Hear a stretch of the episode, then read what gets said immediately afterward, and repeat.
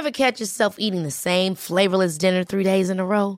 Dreaming of something better? Well, HelloFresh is your guilt-free dream come true, baby. It's me, Gigi Palmer. Let's wake up those taste buds with hot, juicy pecan-crusted chicken or garlic butter shrimp scampi. Mm. Hello Fresh. Stop dreaming of all the delicious possibilities and dig in at HelloFresh.com. Let's get this dinner party started. Hey, it's Ryan Reynolds, and I'm here with Keith, co star of my upcoming film, If, only in theaters, May 17th. Do you want to tell people the big news? All right, I'll do it. Sign up now and you'll get unlimited for $15 a month in six months of Paramount Plus Essential Plan on us. Mintmobile.com slash switch. Upfront payment of $45 equivalent to $15 per month. Unlimited over 40 gigabytes per month. Face lower speeds. Videos at 480p. Active Mint customers by 531.24 get six months of Paramount Plus Essential Plan. Auto renews after six months. Offer ends May 31st, 2024. Separate Paramount Plus registration required. Terms and conditions apply if rated PG. Millions of people have lost weight with personalized plans from Noom. Like Evan, who can't stand salads and still lost 50 pounds. Salads, generally, for most people, are the easy button, right? For me, that wasn't an option. I never really was a salad guy. That's just not who I am. But Noom worked for me. Get your personalized plan today at Noom.com. Real Noom user compensated to provide their story. In four weeks, the typical Noom user can expect to lose one to two pounds per week. Individual results may vary.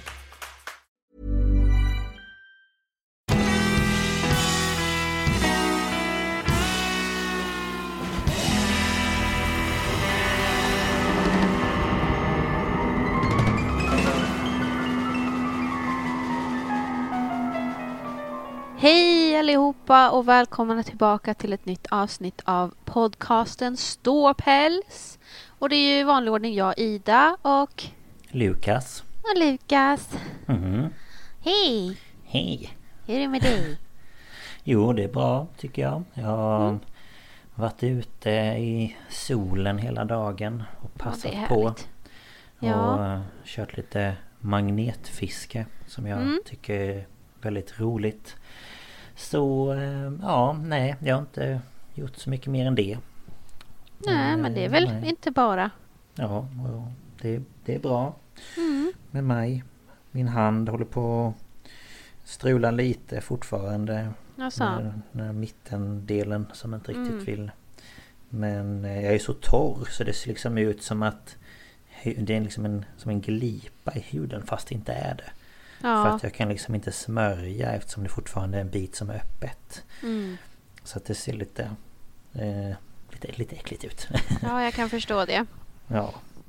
Men eh, ja, själv då?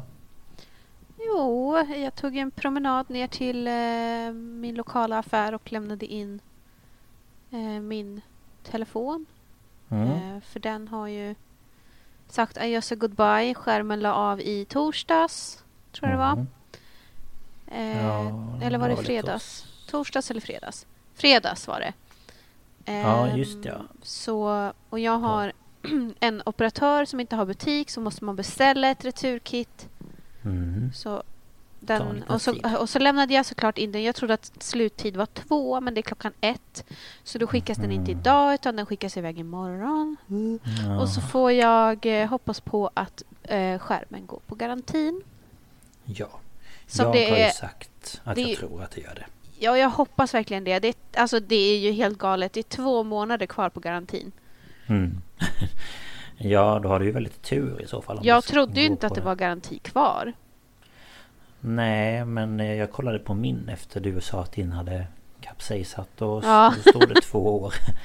Att man Ja, har det på något sånt. Men eh, jag tänker eftersom du bara hade den liggande så den gick sönder så ja. Nej, har du ju min, inte utsatt eh, den för något. min kära bror sa att det nog blev kortslutning och det var det som hände med, inte med min förra telefon för den, den är up and running, min eh, brorsdotter har den. Men telefonen innan kom jag ihåg eh, när jag sov hos dig och Kim. Ja. Ehm, och samma sak var det, den låg på laddning och jag drog ur den och sen Mhm. började den bara tjuta ur högtalaren. Jättehögt. För då blev det ju kortslutning. Ja. Ja, nej de... Jag vet inte riktigt varför de aldrig håller... Ibland håller de ju som sagt inte eh, abonnemangstiden ut. Nej men alltså man kan ju undra om de är gjorda för att okej, de ska hålla i två år för sen ska man byta ut dem. Mm. Ja, det skulle inte förvåna mig om det är något något sånt som ställer till det. Men eh, ja, vi får väl Nej, se. men eh, vi håller tummarna. Den skickas iväg härifrån imorgon i alla fall. Mm. Så eh, förhoppningsvis får jag väl något eh, besked i veckan. Jag har min mammas eh, typ fyra år gamla LG. Mm, som laddar ur när man har den i laddaren. Ja, jag har den i laddning nu och jag vågade inte ha något bluetooth-headset för det drar ju extra mycket. Så Mm, ja, såklart. men, nej, men annars är det okej. Mm, tycker jag. Jag är ganska trött men eh, jag har sina hormonella orsaker. ja. Det har ju det också. Så att eh, ja. Jag håller Men- fortfarande på med den där antibiotikan som gör att jag är dödstrött konstant. Häromnatten Ja. sov jag i 12 timmar och jag var Ja, fortfarande inte pigg. Det är så inte likt dig. Så att, eh, jag är Ja. fascinerad över att jag lyckades få ihop någonting till veckans avsnitt för att jag var så trött. Mm, Men eh, vi lyckades. Vi Båda två. lyckades. Ja. Sa vi har inte förra- sagt... Nej, Nej. Det, har, det sa vi inte. Vi hintade om att man inte skulle lyssna på det efter klockan 12. Ja just ja. För idag är det hemsökta platser. Mm, det stämmer. Och då har vi ju riktat in oss på lite lokalt. Här i Ja. Uppland. Kan man väl säga. det, det var ju ett önskemål. Mm, från som vi en fick. lyssnare. Ja, precis. Så att ehm, det blir det idag. Det blir ju inget eh, jätte, jätte, jätteläskigt. Men, eh, Nej men ändå eller lite... det beror ju på hur känslig man är i och för sig. Ja, jo, Vi är ju såklart. ganska härdade du och jag. Jo, vi är ju det. För eh, både för att vi tittar väldigt mycket på sånt här, alltså vad ska man säga, saker om hemsökta platser på Youtube och sådär. Och sen Ja. har vi ju en egen Youtube-kanal Ja, ehm, som eh, där vi utreder hemsökta platser helt enkelt. ja precis. Ehm, så vi... ehm, ja, nej, för mig är inte det här läskigt men för andra kan det ju vara obehagligt. Så är det ju. Ja. Men eh, det är jag som ska börja den här veckan. Mm. Så att eh, det är väl lika bra vi bara kör igång. Ja, vi gör så.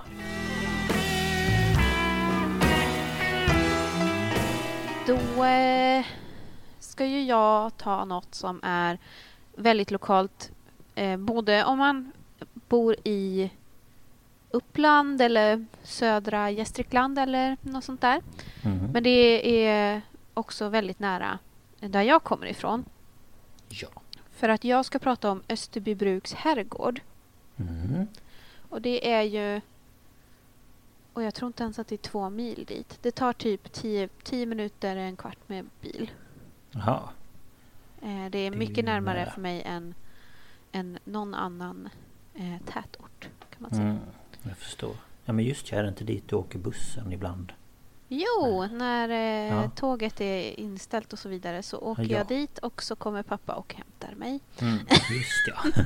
det klingade någonting i mitt Eh. lilla huvud.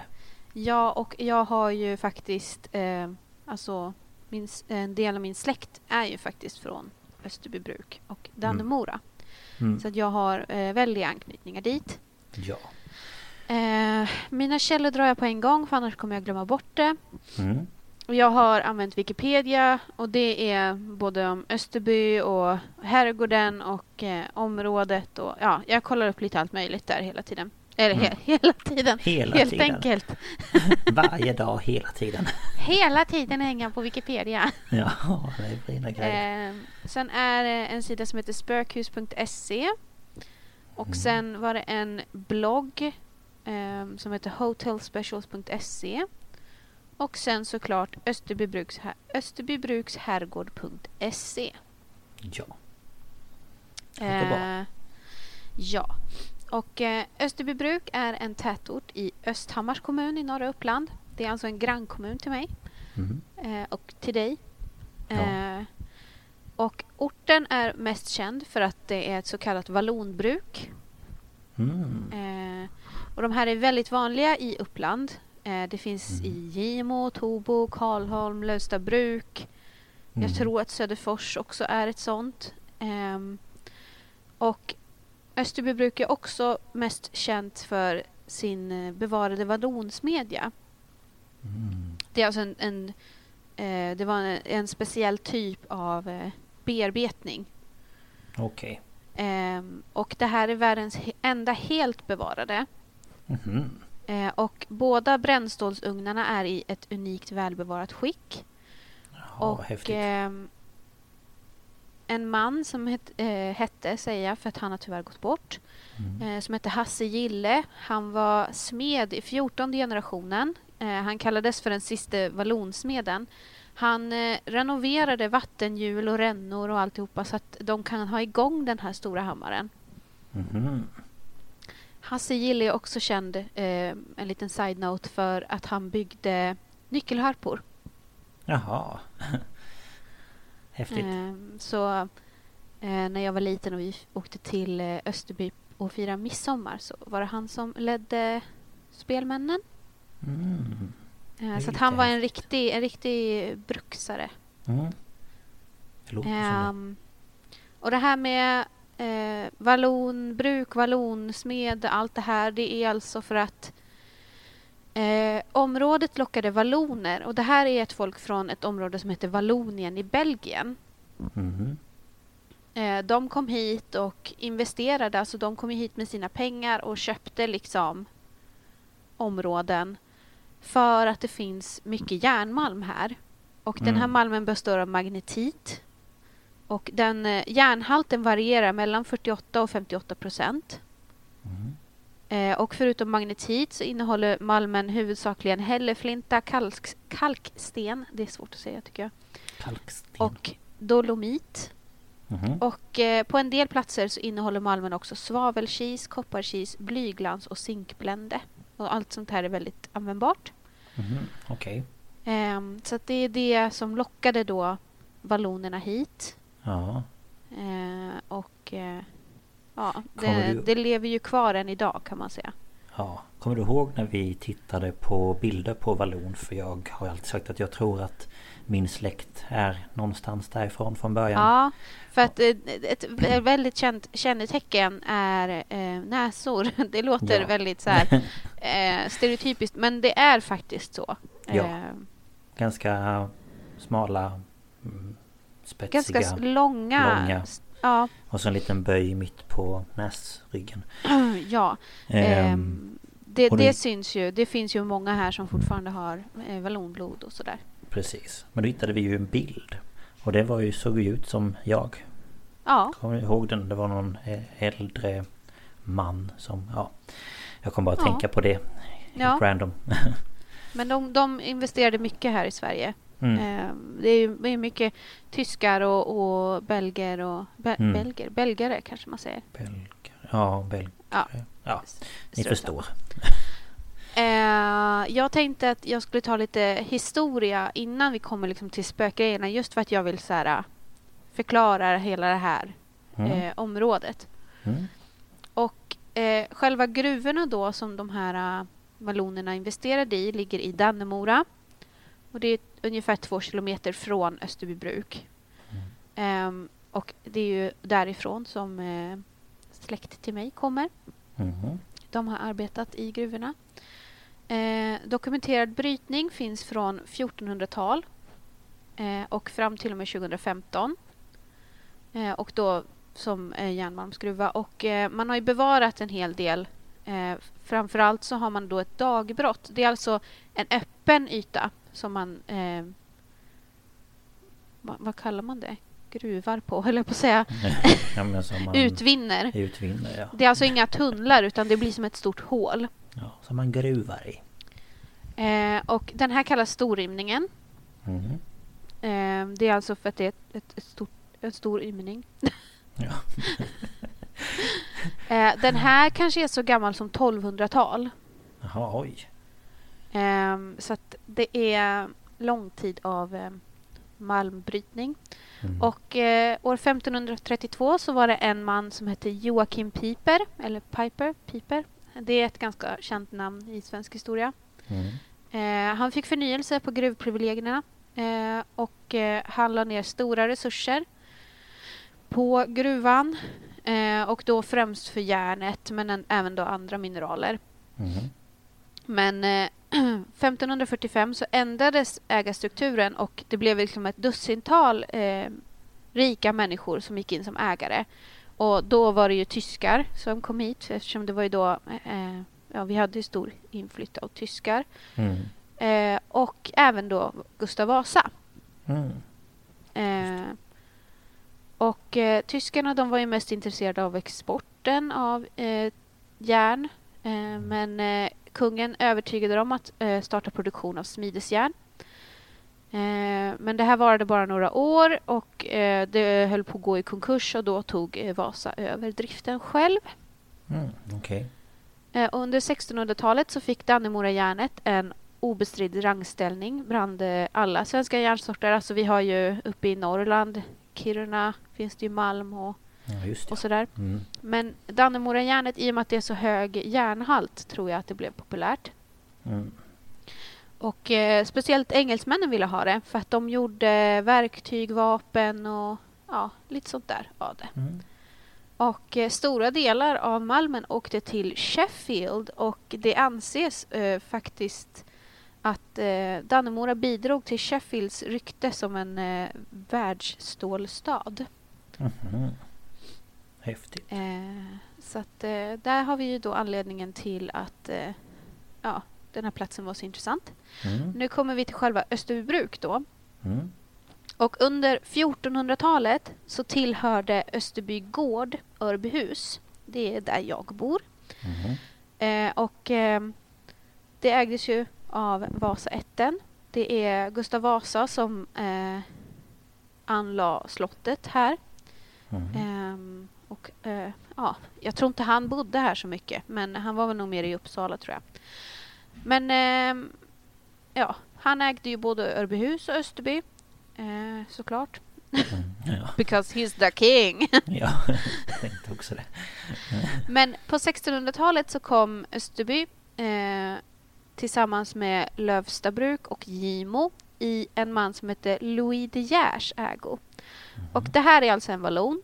Eh, och eh, det, det, den närvaron eh, syns mycket. Det finns alltså gator och så i många av orterna här i Norduppland som heter typ Louis de Geer eller de Geer eller, Mm. eller så. Mm. Efter det, eh, 1758, så var det Ostindiska kompaniets ägare Claes Grill som eh, tog över bruket. Mhm. Eh, Men och hette de, han i början också Grill? Han du pratade om innan? De Geer. Nej men i, i början av hela alltet så sa du någonting om någon smed. Hasse Gille, Ja, Gille. Ja, då var det nästan samma. nästan. Nästan. Eh, nej, han är tyvärr ingen, ingen grill. nej okej. var, tyvärr. Nej, nej. Ehm, och, eh, han tog ju som sagt var över 1758 och eh, den här släkten hade det ända till 1802. Då eh, var det en, eh, jag, vet inte, jag tror att det är ett barnbarn till honom som heter Anna Johanna Grill. Mhm. Och hon eh, delade bruket med en man som hette Per Adolf Tam. Mhm. För hon gillade att han eh, stod emot eh, Gustav den fjärde Adolf, tror jag det blir. Eh, och hans skattehöjningar. Eh, och den här Tam, han sa av, sa, avsa sig sitt adelskap. Mhm. För att han eh, tyckte inte att det här med skatt och det var okej. Och det tyckte hon var väldigt fint av honom så hon gav honom halva bruket. Mhm. tyckte jag var väldigt generöst. Och Ja. Tam är också eh, ett namn som märks. Min ena bror har bott på Tams väg. Mm, jag känner Så igen att, namn eller... Det är alltså namnet. T-A-M-M. Ja. Mm. Och 1821 så blev han ensam ägare av Österbybruk. Och eh, släkten ägde det ända fram till 1916. Eh, och då var det Gimo Österbybruk AB som tog över. Och eh, från 83 så är det Österby Gjuteri AB som eh, låter hela det här med ehm, eh, smideri och sånt leva kvar. Och de har fortfarande eh, använder eh, den stämpeln som det, det är två ringar som kännetecknar kvalitetsjärn från Österby. Den är över 250 år och den använder de fortfarande. Mhm. Eh, och gruvorna, de... Jag har aldrig upplevt eh, när de sprängde... Vi hade eh, ett sommarställe i Dannemora. Eh, men jag tror att de la ner verksamheten 91. Jag är född 92. Mhm. Eh, och sen så 2012 så var det ett, ett företag som köpte upp gruvorna och skulle starta igång för det finns fortfarande malm kvar. Okej. Ehm, och då kom kungen och invigde och hej och hå. Eh, och eh, 2015 gick de i konkurs. Jaha. Ehm, det har ju varit tufft för järnindustrin till och från. Jo. Ehm, och nu är den inte i drift. Det är, ett det är någon snubbe som uh, köpte och han skulle... Det skulle bli en levande by. Det skulle bli liksom... eh, jag vet inte om du känner till Jamtli i Östersund. Som är ett så levande museum. Mm, jag känner... Alltså det är folk som har tidsenliga kläder och allt sånt där. Ja, kanske. Jag vet vad det Eh, är. Han ville liksom att det skulle bli så och då gruvdrift, men det har inte blivit någonting än. Nej, okej. Ehm, och det har funnits eh, en smalspårig Dannemora-Harry järnväg i Österbybruk. Eh, som både då var till godstrafik och eh, persontrafik. Men persontrafiken slutade 1960. Eh, och eh, man körde då bara malm till Hargshamn. Eh, för att det skulle skickas vidare. Och spåren har också gått förbi Herrjöbyhus och ut till Söderfors. För där ligger eh, mycket stålindustrier. Eh, jättestora stålindustrier fortfarande idag. Mhm. Eh, och jag läste för bara typ någon månad sedan att den här eh, spåret ska liksom renoveras och att det eventuellt ska tas över av eh, Upplands lokaltrafik och att man ska köra rälsbuss. Jaha. Det är ju... Men vi får se. ett, eh, Det hade varit nice. Ja. Herrgården då. Eh, huvudbyggnaden är av sten eh, och det är två våningar med ett eh, lite så framskjutande mittparti med ett kupoltak. Väldigt så här eh, fancy. Fancy pansy. Eh, man började bygga det 1763 och eh, den södra herrgårdsflygeln byggdes 30 år, eh, som byggdes eh, 30 år tidigare. tidigare eh, var till, det användes eh, från eh, början som eh, bostad till bruksarrendatorn Antoine de Geer. Ooh. Fint ska det vara. Ja. Och östra flygeln är brukskapell. Ehm, husets äldsta delar är de här båda flyglarna som är från 1730-tal. Mm. Eh, och den östra flygeln eh, var från början... Eh, nej men det sa jag ju. Nu är jag förvirrad. Den västra flygeln är ju kapell. Den östra flygeln, ja precis. Mm. Nu, Nu är jag, nu blir jag virrig. Nu är jag Det finns en eh, fransk-inspirerad trädgård. Det är 1700-tal, vet du. Då ska det vara fancy. Mm. Så det är en korsarmad spegeldamm, orangeri och Oj, det här, eh, då höll man då herrgårdsfolket med både grönsaker och blommor och exotiska frukter. Mhm. Eh, och på ena sidan av herrgårdsdammen ligger arbete, arbetarbostäderna som är grupperade liksom och de har legat där ända sedan 1600-talet. Okej. Och på den andra sidan av dammen ligger brukskontoret och klockstapeln. Och det här är, brukskontoret är en välbevarad byggnad i karolinsk stil. Mm. Jag Och gillar in- förresten att jag bara sitter här och bara aha, åh. Och sen helt plötsligt så slog det mig att jag har ju sett det här på TV. Ja, det har du. Ja, men jag bara så här, var, varför sitter jag här och låtsas som att jag inte vet hur det ser ut? Ja, men det är annat när man får det förklarat för sig. Ja, jag vet. Men nu när du sa det här med stapel och damm och ja, jo, nej. Då fick jag det framför mig. Ja. Ja. Um, in till brukskontoret ligger ånghammaren. Eh, det är alltså liksom efter den här vallonsmedjan så hade man då en ånghammare från 1800-talets mitt. Den ligger fortfarande kvar. Mm. Och norr och väster om herrgården finns stalllänga, sadelmakarlänga, spruthus och magasin. Eh, och eh, i Ett stallängans... spruthus. Jag vet faktiskt inte. Nej. Det var inget. Jag vet inte. Jag kan inte sånt där. Nej, jag bara Sorry. tyckte det lät roligt. Ja, jag vet. Mm. Det är säkert något jättetråkigt. Ja. Tvättstuga eller någonting. Säkerligen.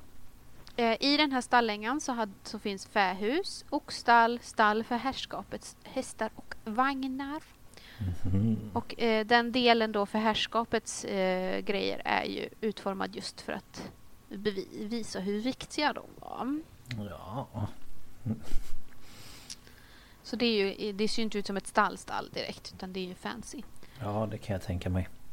Och en liten eh, kuriosa är att för 100 år sedan, 1917, så flyttade konstnären Bruno Liljefors med sin familj in i herrgården. Mhm. Och ett tidigare brygghus gjordes om till ateljé. Ehm, och eh,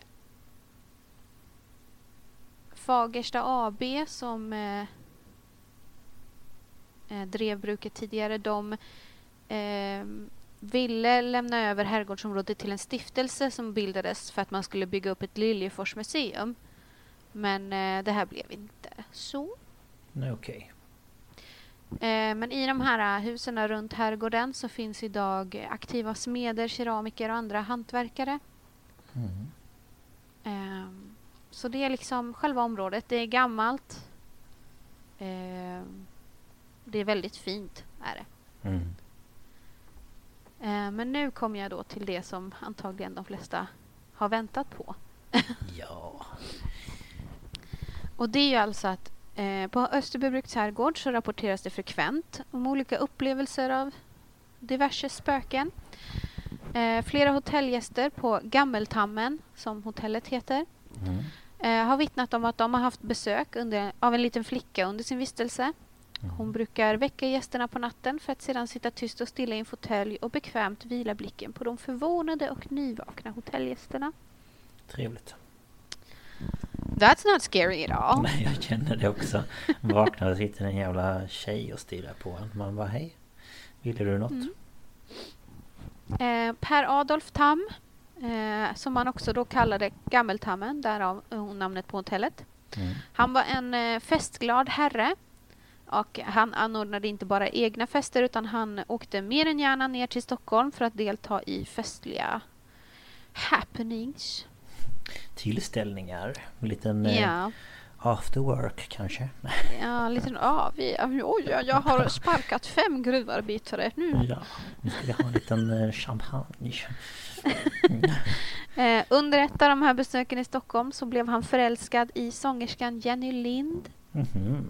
Och han bjöd in henne eh, till Österbybruks herrgård för att underhålla. Eh, Jaha. och som ackompanjemang, jag kan Ja. säga det ordet men Ja. inte nu. Eh, till hennes vackra sång, sång. Men vad är mitt problem? Som...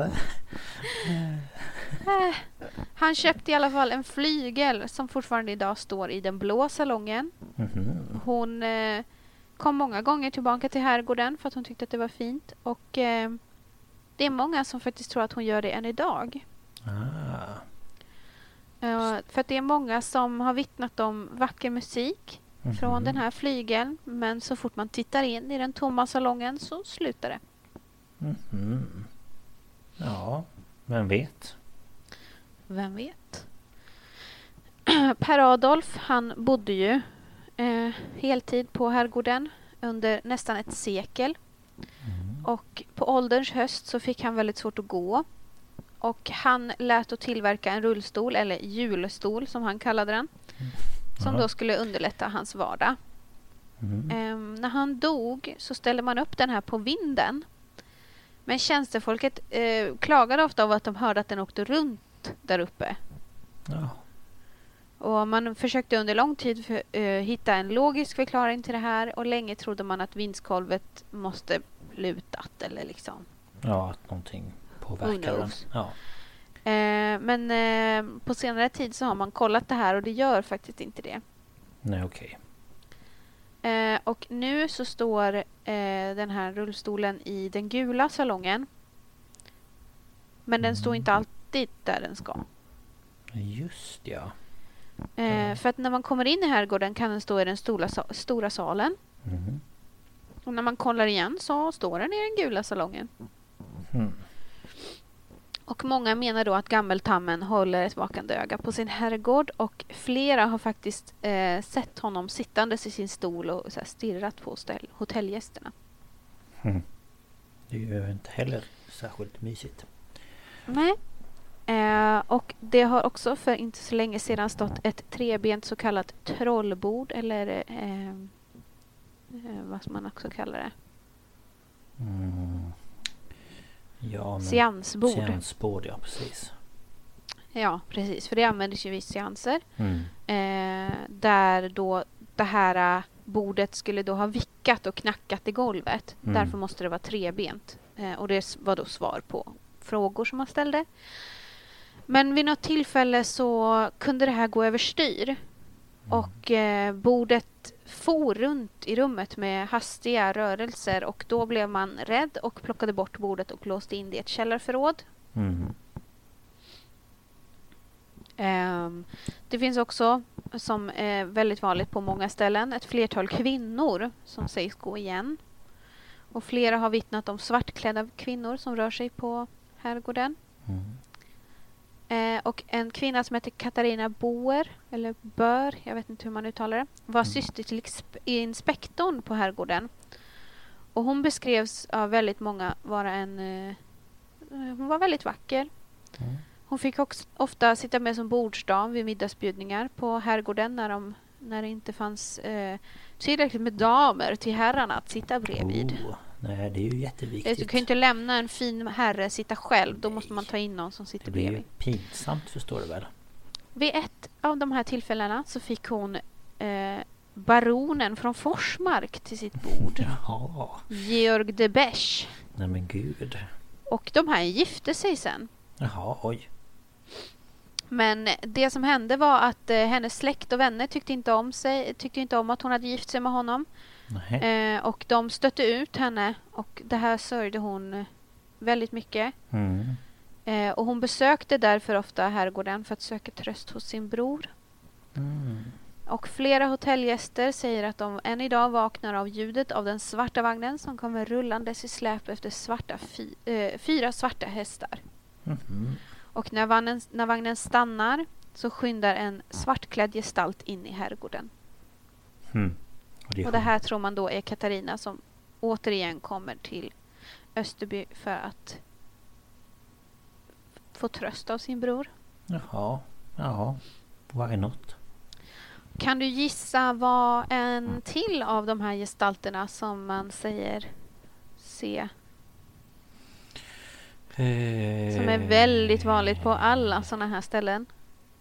Eh, Nu är min hjärna helt tom. Eh, Jag vet faktiskt inte. Det är ju såklart den vita damen. Ja, men såklart. Från korsdammen i parken kommer en vitklädd vacker kvinna. Hon är inte våt av vatten utan liksom svävar över dammen. Eh, Hon visar sig ofta när det är stora tillställningar på herrgården och hon beskrivs eh, som väldigt vacker. Eh, och det kanske inte är så konstigt att många unga män förälskat sig i henne. Nej. I början på 1800-talet förälskade sig en stilig löjtnant i denna vackra kvinna. Mm. De dansade hela natten och promenerade sedan ut i parken för att svalka sig. Vid korsdammen så tappar hon sin spetsnäsduk. Eh, och när han böjer sig ner för att plocka upp den så är hon borta. Jaha. Gone, gone, gone. Du-du-du-dum. Han gav aldrig upp hoppet om att hitta den här kvinnan och återvände tillbaka till herrgården efter en tid för att eh, försöka ta reda på vem hon var. Mm. Ehm, men ingen hade varken sett eller hört talas om den här kvinnan. Visste inte Nej. alls vem det var han hade umgåtts med. Och ehm, på morgonen efter så var han försvunnen men man hittade honom sedan drunknad i korsdammen. Och i hans hand höll han en vit spetsnäsduk. Mhm. Ja. Se på fan. Man vet, man kan inte lista ut liksom historiskt sett vem den här kvinnan är eller varför hon inte får Nej, okej. Nej, det är väl någon som har hängt där i krokarna. Mm, Förmodligen. man vet ju aldrig. Nej. Eh, och så kommer jag till då den kanske mest omtalade berättelsen från Österbybruks herrgård. Det är den om smeden som av Satan ville få magiska arbetsförmågor. Mm. Han visste dock priset. Eh, och det var ju såklart hans själ. Så han skrev med blod som bläck ner sin önskan på ett brev adresserat till djävulen. Sedan stoppade han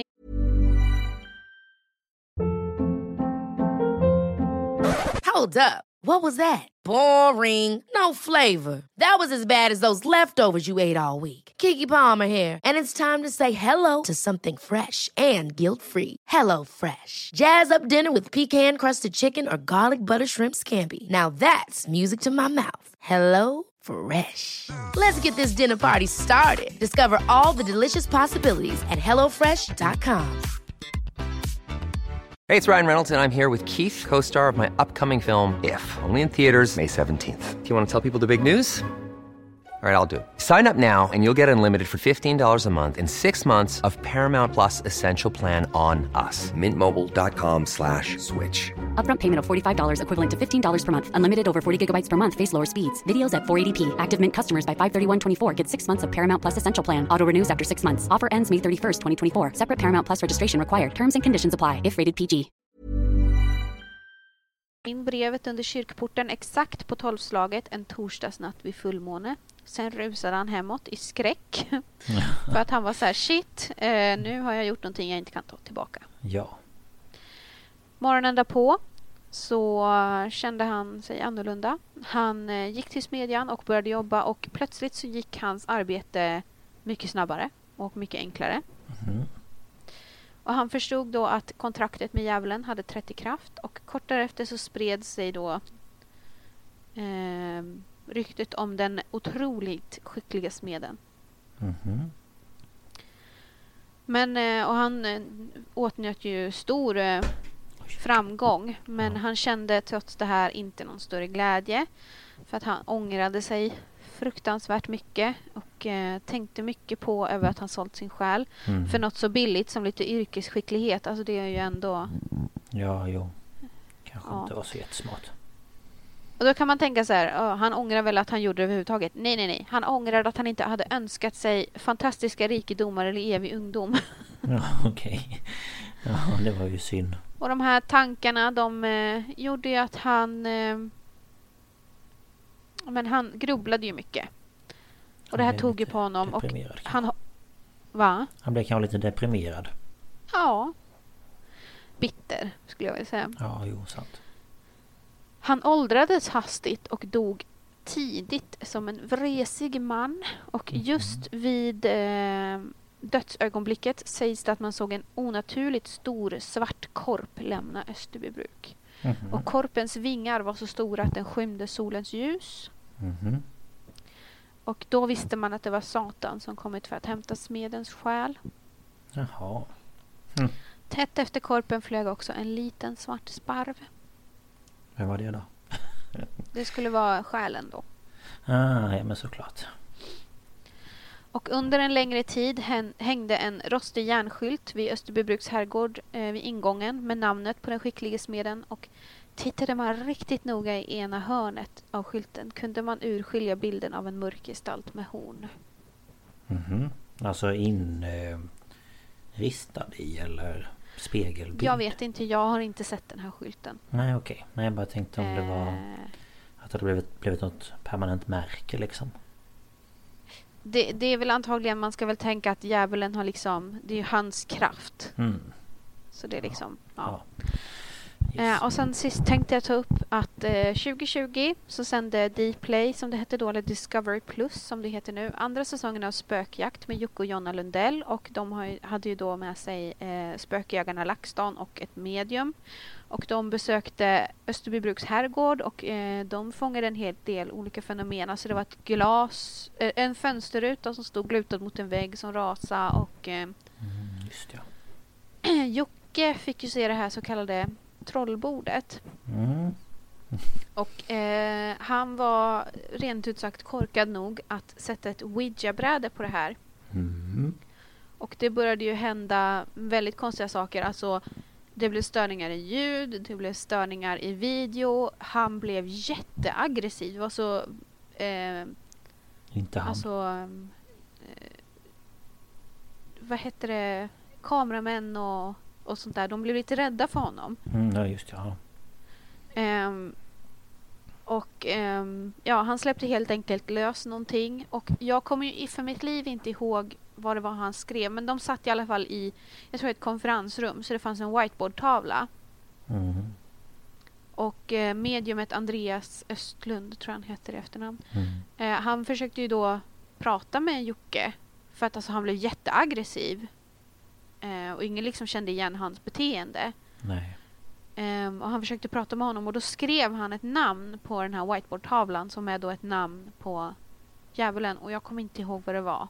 Nej, det är inte jag det var heller. inte Baal va? Kan det vara det? B-A-A-L, var det det? Det är någonting som... Jag har ju tyvärr inte Säg- Discovery Plus så jag kan inte kolla. Men det Eh, känns rätt ball. Jo men var jag det tror, inte det? Jag tror nog att det var det. Det är ju väldigt känt. Det är ju från eh, filmen The Right med eh, Anthony Mm. Hopkins. Den är bra, Eh, den det är ju djävulen då, ett Mm. annat namn. Han betedde sig i alla fall jättekonstigt i flera, flera veckor. Ja. Eh, och var väldigt, väldigt aggressiv och ja, men betedde sig eh, konstigt, obehagligt och han var väldigt så här, eh, Han var typ... vad kallar man det? eh, Skadeglad. Eller liksom lite Ja. så här... Ja, när någon annan mådde dåligt så ville han bara skratta. Mm. Jag kommer ihåg, var det inte Daniel som kräktes och han typ skrattade? Jo, han tyckte typ att det var roligt. Och de andra började bråka om hur han betedde sig och då stod han och log. Mm. Ja, nej det var Och han betedde sig väldigt så här reckless, alltså han var väldigt oförsiktig och Ja, han gjorde ju allt Eh, bara och det här följde ju, följde ju med till andra ställen de åkte till efteråt. Mm. Eh, och det tog eh, flera veckor med hjälp av Andreas innan Jocke kände sig normal igen. Mm. Ja, det kommer jag Så ihåg att, eh, det var kanske inte just herrgården i sig som gjorde det utan det var nog en kombination. Mm. Men eh, vem vet, den här energin från vad han släppte lös kanske finns kvar där. Ja, det vet man ju inte nu i, i efterhand. Mm. Ja, det är spännande. Lite läskigt också. Ja, eh, jag önskar att jag hade hittat ehm, lite mera alltså, personliga historier och så. Men jag har inte hittat något sånt. Nej, Ehm, är och jag själv har inte varit på herrgården tillräckligt mycket för att ha upplevt någonting.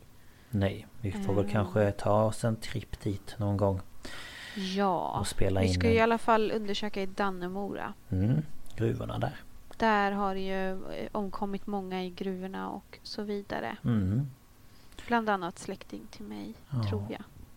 Det, Men eh, det var Österbybruks herrgård. ja, bra mm, skrivet och intressant och ja, lite läskigt också. Mm, Det är ju alltid lite svårt det här med eh, eh, andar och hemsökta platser om man tror på det eller inte och ja, Mm. det finns ju mycket diskussion kring det men eh, jag tycker det är intressant i varje fall. Ja, Mm, det tycker jag också. Jag tänker, eh, i och med att det är ett sånt gammalt område och liksom, någon energi borde ha lämnats kvar. Liksom. ja, jag tror ju på det. Många alla fall. människor som har rört sig på platsen. Liksom. Mm. Ja, nej jag, eh, jag tror ju på sånt här så att jag, eh, jag håller helt med. Mm. ja, ja. Ehm, och om vi hittar någonting där i framtiden så kan vi ju säga till. Ja, det gör vi verkligen. Mm. Men, Men eh, nu är jag nyfiken på ditt. Ja, det är väl bara att vi Så hoppar vi- vidare. Ja, det gör vi. Jag eh, ska ju då prata om Viks slott. Ooh, Ja. Spännande. Eh, spännande. Och eh, jag har tagit min fakta från eh, Wikipedia. Mm. Och sen eh, slottsguiden.info om då Viks slott. Mm. Och sen eh, regionuppsala.se om Viks slott. Mm. Så ehm, ja, jag kör igång. Yes. Eh, jag kommer börja med lite eh, historia också. För att Mm. eh, ni ska få en bild över vad det är för Men något ställe. Verkligen sådär sätta En lite viss eh, fil på det. Ja, jag tänker det kan vara Man ska liksom sätta sig in i... hur gammalt Ja, men- det är och... Ja, Och, och hur området är och vad det liksom kan ha rört sig för människor. Sånt, sånt är viktigt för mig i alla fall. Mm. Jo men det tycker jag också. Det är väldigt viktigt. Eh, men ja, jag kör igång. Yes! Eh, Viks slott. Det är ett slott i Ballingsta socken i Uppsala kommun i Uppland. Och Mm. det ligger cirka 20 kilometer sydväst om Uppsala. Och... Och jag eh, trodde att det var längre. Men det nej. kanske inte är. Nej, det är det EG. Eh, och när eh, Viks byggdes är inte helt klarlagt. Men man tror att det byggdes under den senare delen av 1400-talet av den danske riddaren Klaus Nielsen. Och det här är jätteroligt. Eller hans son Nils Klausen. Jag tänkte det var Ja men det där är ju så jävla typiskt den där tiden alltså. Ja, jag vet. Ehm, Men eh, själva gården, alltså området där slottet ligger, kom dock till redan under 1200-talet. Ja. Och den första personen eh, man vet har ägt området var lagmannen Israel Andreasson And. ehm, Som ägde gården fram till sin död år eh, 12089. 12 089. Eller vad heter det? 1200. Ja, 12 000. Jag tyckte det lät konstigt. 1289. Han har inte levt än. Det är långt, Nej, långt i jag framtiden. lever långt i framtiden. Det är om förstår ni. 10 000 år. Jag bara 12 000. Nej, ja. 1289. ja, herregud. Eh, och i skrift från år 1303 så är eh, slottet omnämnd som sätesgård för eh, Ramborg Israels dotter And. Alltså Israels dotter. Eh, samt hennes make Arvid Gustafsson som dödades vid Nyköpings gästabud år 1317. Oj då. Ja. Och efter hans död så gick gården i arv genom deras sonsons dotter. ja. eh, och hamnade till slut i ätten eh, Bjelkes ägor cirka Ah. 1380. Mm. Och i mitten av 1600-talet så byggdes slottet om. Och eh, det var den dåvarande ägaren, riksmarskalken och riksrådet Gustav Horn som beslutade att riva de översta våningarna av slottet. Eh, Okej. och han gjorde även en central trappanläggning inne i slottet. Och eh, byggde den nuvarande entrén med en eh, port i barockstil. Som man når via en murad bro. Eh, Men ombyggnaden fick göras klart av hans fru Sigrid Bjelke då Gustav dog år 1657. Alltså ett år efter det att de började med eh, ombyggnaden. Oj då. Ja. Ehm, och eh, sen under 1800-talet så gjordes den andra stora ombyggnaden av slottet. Eh, då den dåvarande ägaren Gustav von Essen eh, tillsammans med arkitekten Fredrik Wilhelm Scholander. Eller Solander. Oj, just det. Ja, fint ska det vara vet du. Vilka namn alltså. Mhm. Det var, de var inte lika... Mina namn var inte lika fancy. Det var ju... Ja, De Geer var väl då. Ja, men då hade några Annars var det ju Grill och. Tam och... Ja, men det är fint det också. Ja, jo, men det här är ju verkligen... Är Hög von adel här i Sverige. och- Ja, det är fina grejer. Mm. Ehm, men de gav i varje fall eh, slottet det utseende som det har idag. Mm. Eh, och efter att eh, slottet har gått i arv i 24 generationer och under mer än 600 år så såldes slottet år 1912 eh, till en person utanför släkten. Oj, det var inte dåligt alltså. Nej, det är ett tag. Ja. Och den såldes då till bankiren Alfred Berg. Ehm, och han bestämde sig för att fylla slottet med konst och eh, sin stora vapensamling. Mm. Och han byggde då även en stor ekonomibyggnad ett par hundra meter från slottet. Mm. Vad den används till idag det vet jag inte men ja. Det vet man aldrig. Nej. Eh, och eh, sedan 1923 så ägs slottet av Uppsala läns landsting. Mm. Och eh, fram till år 1971 så hade man en folkhögskola i byggnaden. Men eh, idag används det till kurser och konferenser. Mm. Och det här konferenscentret då har 15 rum i olika storlekar. Och eh, på området så finns även fyra hotellbyggnader som är öppna året runt. Mm. Eh, Och parken runt slottet är en vidsträckt naturpark. Ehm, Och det här ligger då vid Lårstavikens norra strand. Och eh, där finns det då en badstrand med bryggor och ett café. Vilket jag tycker Mysigt. låter väldigt mysigt. Ja, Eh, Jag bara så här, åh, när jag skrev detta, jag bara dit måste vi åka någon gång. ja men det lär vi göra. Ja. Ehm, Och idag så har eh, Viks sju våningar. Men från början så ska det ha haft nio. Oj! Eh, Men vissa menar att det även kan ha haft elva våningar. Ja, men vad i helvete? Mm. Överdriv! Ja, du ska bara veta. Nej, ska jag. Och när man går in genom porten idag så hamnar man på fjärde våningen. Och Okej. eh, under då så finns det ja, såklart tre källarvåningar och där ligger bland annat köket. Men alltså hur djupt ner går grunden egentligen? Ja, fyra... Ja, tre våningar. Så Det är ju helt galet. jag vet inte hur hög takhöjd det är men det är väl högre än ett hus och kanske tre gånger...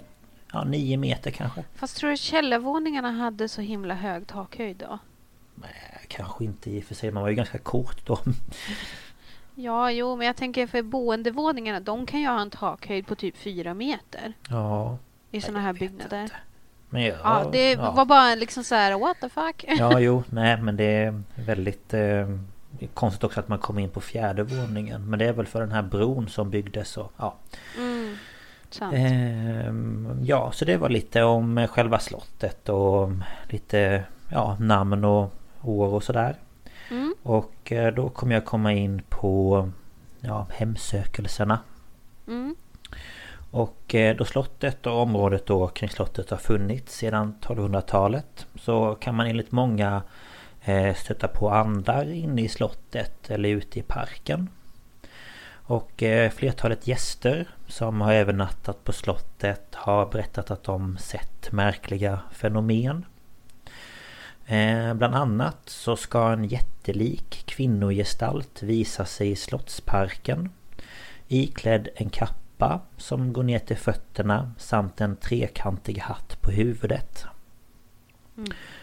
Och ibland så ska hon även komma uppstigandes ur vattnet i viken utanför. Man var det inte alls creepy.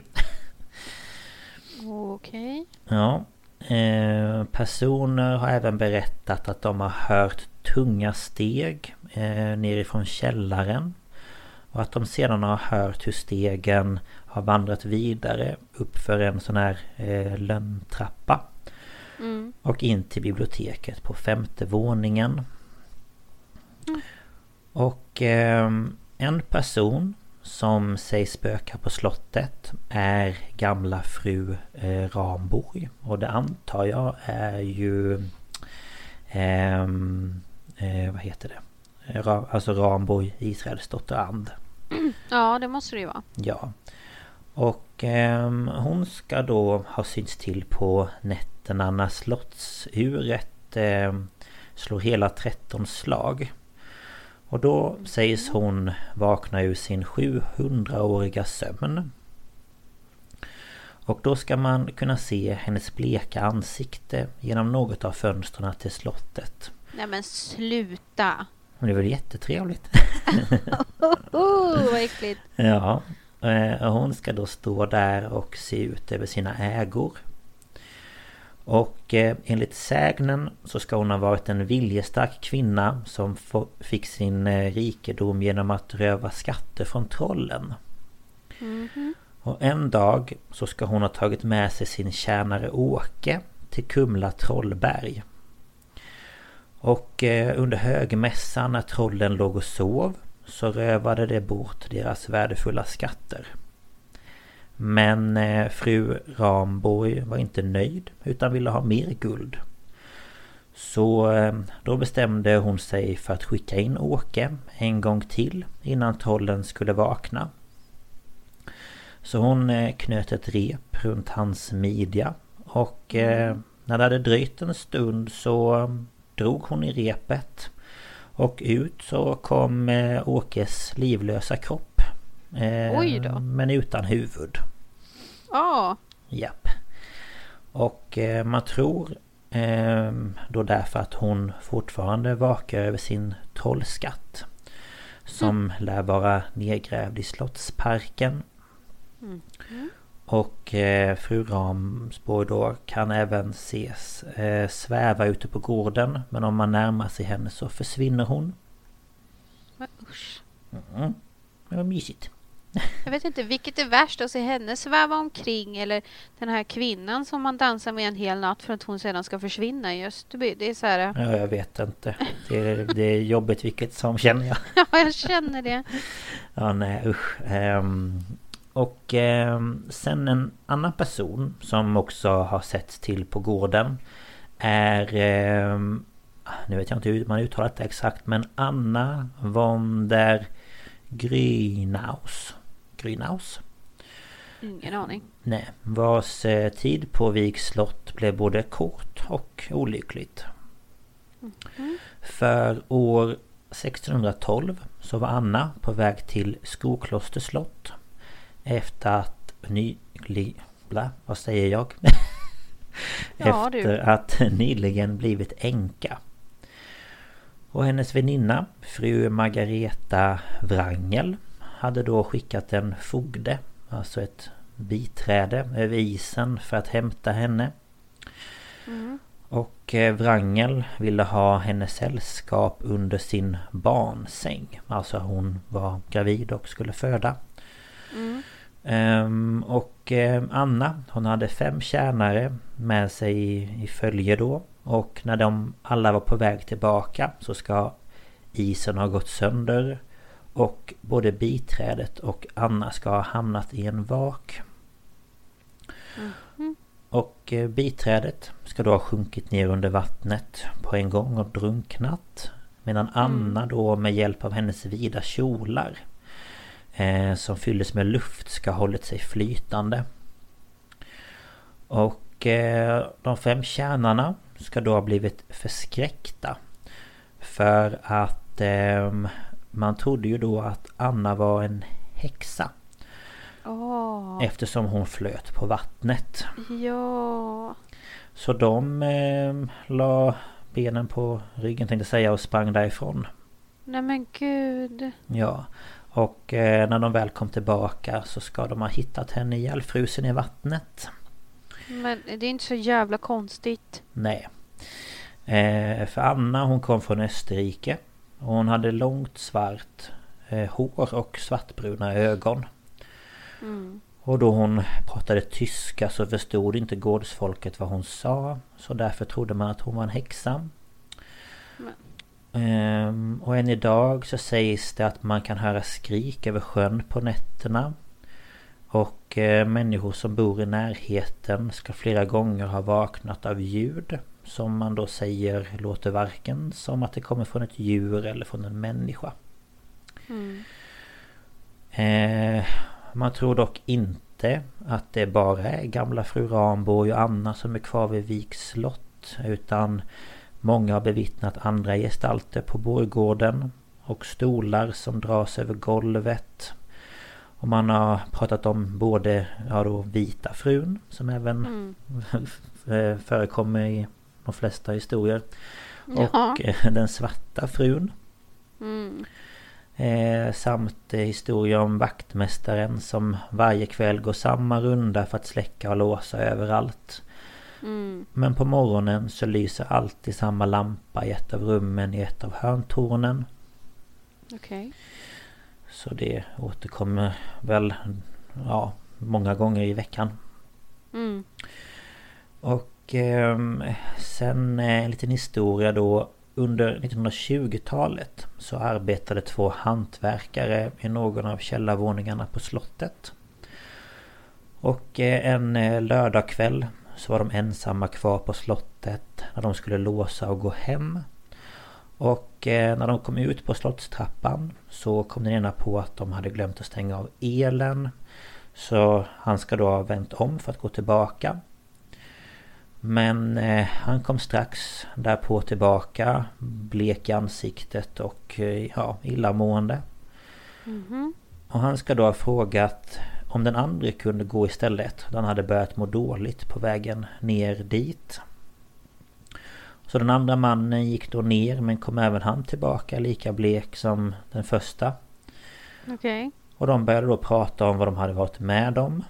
Ehm, och det visade sig då att båda hade sett en gestalt med medeltida kläder i trappan. Och gestalten ska då ha försvunnit in i en vägg. Men Och- usch. Båda hade då upplevt samma sak men bara med några minuter efter varandra. Jaha. Så det, ja... Lite, lite läskigt. Ja, det kan man ju säga. Ja. Eh, och sen en sista då berättelse. Det är ett ganska långt citat. För att det var en guide på slottet. Vid namn Erik. Som eh, har berättat om en upplevelse som han har varit med om. Mm. Och då citat berättar han att jag skulle göra en slottsvisning för en grupp besökare. Flera strömavbrott hade drabbat oss under kvällen så jag tog med mig stearinljus för säkerhets skull ifall strömmen skulle försvinna ännu en gång. Eh, när vi var i ett rum längst ner i slottet så slocknade ljuset. Det var väl tajmat, sa någon lite osäkert.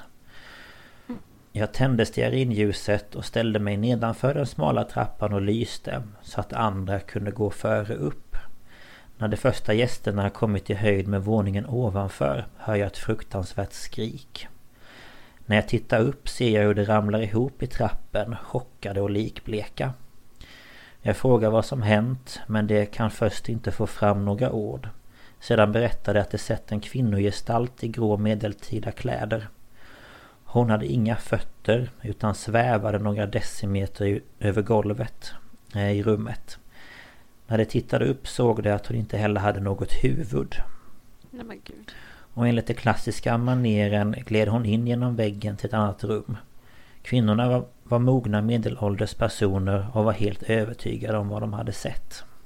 Mm. Slutcitat. Ja. Så ehm, det var...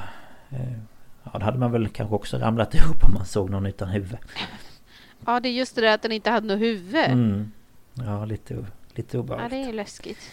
Eh, ja, och eh, till sist då så är idag så är slottet ett byggnadsminne. Mm.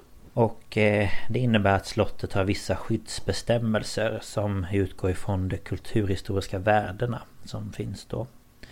Mm. Och för Viks slott så handlar det om att det har ett mycket karaktäristiskt utseende. Och eh, att det trots eh, då två stora ombyggnader eh, är en av landets bäst bevarade medeltidsborgar. Mm. Och eh, det handlar även om ehm, att de här två stora ombyggnaderna i, under 1600-talet och 1800-talet speglar respektive tids arkitekturideal. Som man då kan se i slottet. Mm. Och eh, samt då att runt slottet så finns rester av en barockträdgård och den engelska parken bevarade. Så eh, man får liksom inte göra vad man vill med slottet så att Nej, säga. precis. Nej. Utan det är eh, väldigt... eh, När man tittar på bilder på det. Tänker vi kan väl lägga ut på vår Instagram en bild på varsitt slott. Ja, absolut. Eh, Så kan man då se väldigt tydligt eh, de olika tidsepokerna Mm. helt enkelt. Så att... eh, ja, det var det jag hade att erbjuda. Men det tyckte jag var väldigt bra. Väldigt läskigt. eh, Just det här med när saker och ting saknar kroppsdelar. Ja, usch, ja, nej det hade man ju inte velat se. Och det där med när man ser ett ansikte stirra ut genom ett fönster. Nope! Nej, Nope. nej tack. Nope. Det är ju typ när man har varit på ja, men, vissa hus eller ställen i sitt, under sitt liv. När man tittar tillbaka mot ett hus. Det är ju typ det man är rädd för att man ska se. Ja, ja, verkligen. Att man typ så här vänder sig om och ska bara ta en sista blick bakåt. Och så ser man någon som står och tittar på en. Nej, fy fan. Nej, Det hade inte varit så trevligt. Nej. Men ehm, ja, vi kan få ta oss en tripp hit med. Ja, absolut. Det går ju... Vi får göra en eh, turné i, här i, i närområdet. För du har inte varit runt så mycket. Nej, jag har ju inte det. Och på Viks slott där har de även eh, som den här guiden då sådana här spökvandringar. Ja, det finns det på Österbybruks herrgård också. Mm. Så det skulle man ju alltid Så kunna att, eh, börja med. Ja, när, eh, när sånt är igång. Mm, ja, det vet man ju inte i och för sig. Kommer jag på. Men eh, man kan ju alltid åka ut dit och Titta. ha med sig mat och sitta och... Njuta. Ja, verkligen. Det tycker jag. Ja. Ja, Men tack så mycket för det. mm, varsågoda. Eh, det var ju allt för idag. Det blev ett eh, lite lagomt avsnitt idag. Mm, det var... Det är skönt med såna också. Ja, men det tycker jag. Men det var... Jag tyckte det var svårt att hitta... Jag skulle vilja hitta lite mer eh, personliga berättelser. Ja, och det är ju alltid lite svårt. Ja. Eh, Att få fram. Men är det någon som Ja. har något så är det ju självklart bara att mejla in det. ja, absolut. Gör det. För så kan vi läsa upp det vid ett annat tillfälle. Mm. Eh, det hade varit jättekul. Ja, verkligen. Så att tveka inte att höra av er. Ja, Mm. Ja, det var... nästa vecka blir det ju Just ja. eh, påskspecial. Jag tänker Mhm. inte att... Eh, vi säger inte mer än så. Nej, det är... Eftersom eh, efter nästa vecka när vi spelar, eller när det här kom ut, eller ja, Ja, nästa vecka så är det ju skärtorsdagen. ja, det var det vi ville komma fram till. Ja, jag kan inte prata. Nej, det, Det har ni ju märkt. det, Ehm, det är lugnt. så att eh, det blir helt enkelt en påskspecial. Eh, tolka det hur ni tolkar vill, höll jag på att säga. Ja, det vet man inte. Det kan handla om kycklingar eller ägg eller ja. Det kan handla om Jesus. Mhm, Det kan ja, handla om eh, vad som helst. Vad som helst. Så, Det ska bli spännande i varje fall.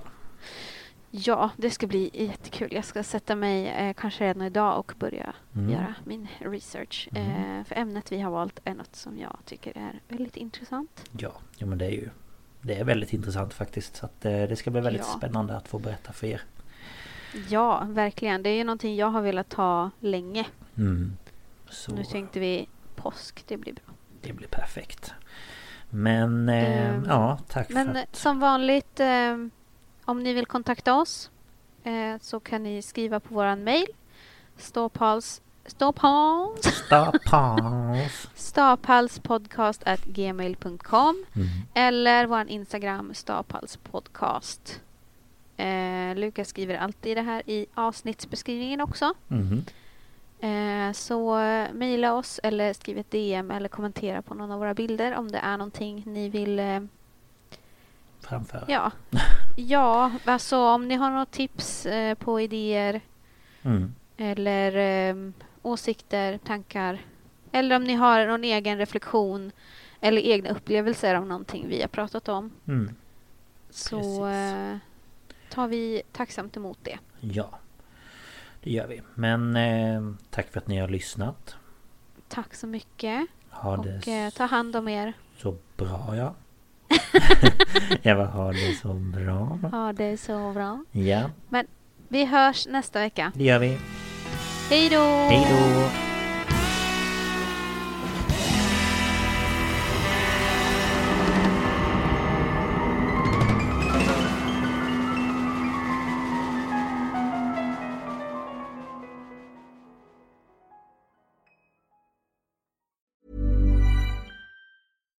Hi, I'm Daniel, founder of Pretty Litter. Cats and cat owners deserve better than any old fashioned litter. That's why I teamed up with scientists and veterinarians to create Pretty Litter. Its innovative crystal formula has superior odor control and weighs up to 80% less than clay litter. Pretty Litter even monitors health by changing colors to help detect early signs of potential illness. It's the world's smartest kitty litter. Go to prettylitter.com and use code ACAST for 20% off your first order and a free cat toy. Terms and conditions apply. See site for details. Ever catch yourself eating the same flavorless dinner three days in a row? Dreaming of something better? Well, HelloFresh is your guilt free dream come true, baby. It's me, Gigi Palmer. Let's wake up those taste buds with hot, juicy pecan crusted chicken or garlic butter shrimp scampi. Mm. Hello Fresh. Stop dreaming of all the delicious possibilities and dig in at HelloFresh.com. Let's get this dinner party started. When you make decisions for your company, you look for the no brainers. If you have a lot of mailing to do, stamps.com is the ultimate no brainer. Use the stamps.com mobile app to mail everything you need to keep your business running with up to 89% off USPS and UPS. Make the same no brainer decision as over 1 million other businesses with stamps.com. Use code PROGRAM for a special offer. That's stamps.com code PROGRAM.